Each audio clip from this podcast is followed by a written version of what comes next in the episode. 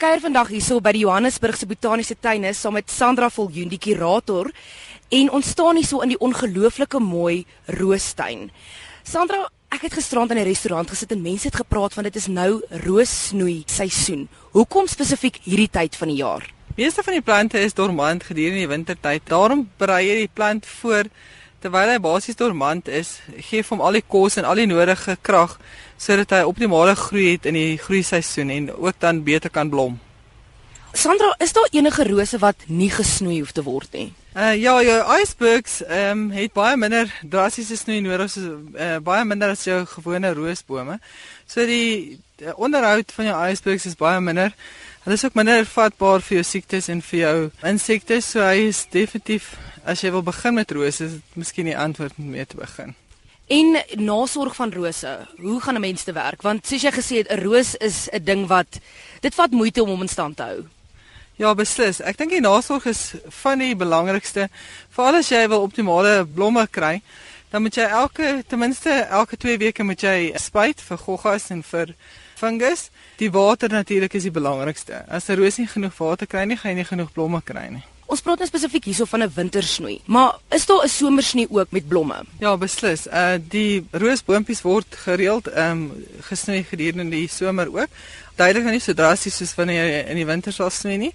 En dan moet jy ook die uh, gereeld die dooie uh, blomknoppe moet jy uitknip of net sommer net uit met die duim uit pinch. Hmm in plaas van dit knip want dit eh, bevorder ook die blom om meer blomme te te dra. Jy het gesê baie van hulle het nie blomme aan nie, maar julle tuin is ongelooflik mooi. As ek so regs kyk na die icebergs waarvan jy gepraat het, dit is soos 'n klein wit pad wat hier afloop. Sal julle dan byvoorbeeld die rooskoppe afsny wat reeds daar is tydens die wintersnoei program? Ja, dit sal afgesny word want deur die blom te snoei of die plant te snoei, waar is skok jy die plant om dan weer nuwe groei te vorm en dan ook nuwe blomme te dra. Die ou blomme gaan net meer uh, krag uit die plant uitneem. Daarom is dit belangrik om maar van die ou groei en die ou blomme ontslae te raak. Mense sit soveel moeite in 'n roosboom in. Hoe lank kan hy lewe? Dit gaan afhang van jou onderhoud van jou roosboom. As hy gereeld ordentlik gesnoei word en bemest word en water gegee word, dis moeilik om te sê 20 of 30 jaar want oorspronklike rose wat geplant is by die Johannesburg Botaniese Tuin was onlangs eers het seker so 4 jaar terug het van het ons van die oorspronklike bome nog steeds verwyder. En wanneer ons kyk na die tipe winters wat ons hier in Suid-Afrika het, wat se impak het dit op die groei van die roosbome? Die winters het nie regtig 'n invloed op uh roosbome nie omdat dit gehard is en die ryp wat ons kry het geen invloed op die roosbome nie tensy jy dit te vroeg snoei. Dis waarom ons uh, gewoonlik ons uh, kyk maar na die weerpatrone en as ons nie regtig koue gehad het nie, dan los ons dit nie vir liewer later as te vroeg. Want sou jy swart ryp kry en jy het jou bome gesnoei, is die kans baie goed dat jy kan ehm um, skade op jou roosbome kry. Nou wanneer ons kyk na hierdie hierdie roosbome, watse tipe toerusting benodig mens om nou die boom optimaal te snoei? Die beste toerusting of wat jy meeste gebruik is maar 'n oordentlike snoei skerp wat goed skerp gemaak is. Want die oomblik as hy bietjie stomp is, gaan jy nie 'n goeie snit hê nie en dan se kans dat jy 'n fungus gaan optel op jou plant gaan baie groot wees. So die beste is maar 'n oordentlike snoei skerp en dan natuurlik jou spuit toerusting en jou gewone tuin toerusting om die grond los te maak en daai tipe van ding.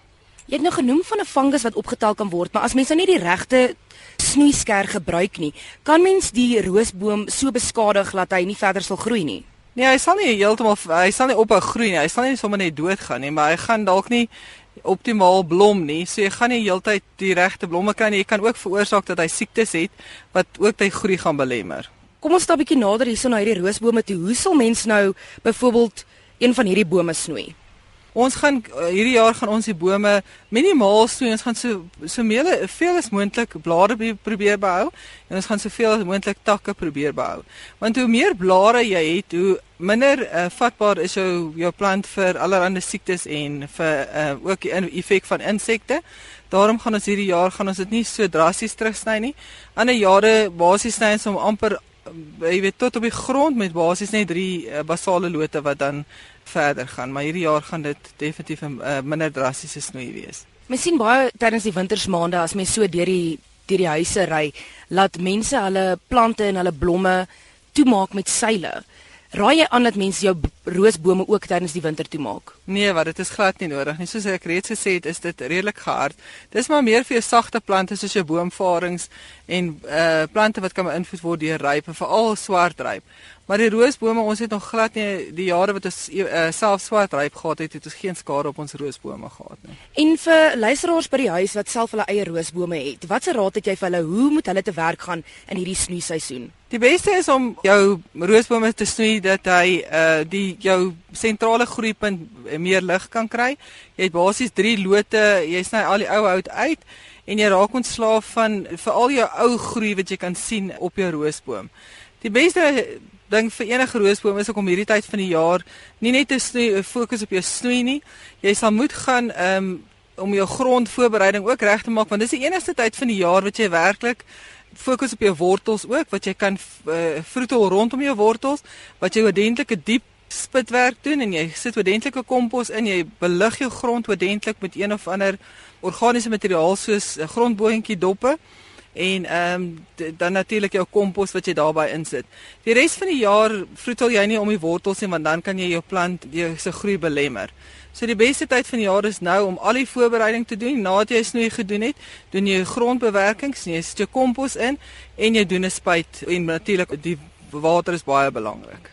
Baie van ons wat rose het, raak nog ons bietjie skrikkerig as ons nou met 'n skerm moet nader of 'n snoeiskerm moet nader stap om ons bome te snoei. Wat sal jy sê is die belangrikste ding om te onthou? Die belangrikste ding is om te onthou dat jy kan nie regtig verkeerd snoei nie. Dit dit hang af van persoon tot persoon. Jy kan hom basies net gaan plat sny en dit gaan afhang van ook die klimaat waarin jy is en en daar's baie verskillende invloede. Daar's byvoorbeeld ook sekere roossoorte wat regtig glad nie gesnoei word nie. So die die beste ding is maar om van ou hout ontslae te raak en jou nuwe groei te probeer behou. En daar's nie regtig 'n regte of 'n verkeerde manier om rose te snoei nie. Dit was dan Sandra Viljoen wat so gesels het by die Johannesburg se botaniese tuine.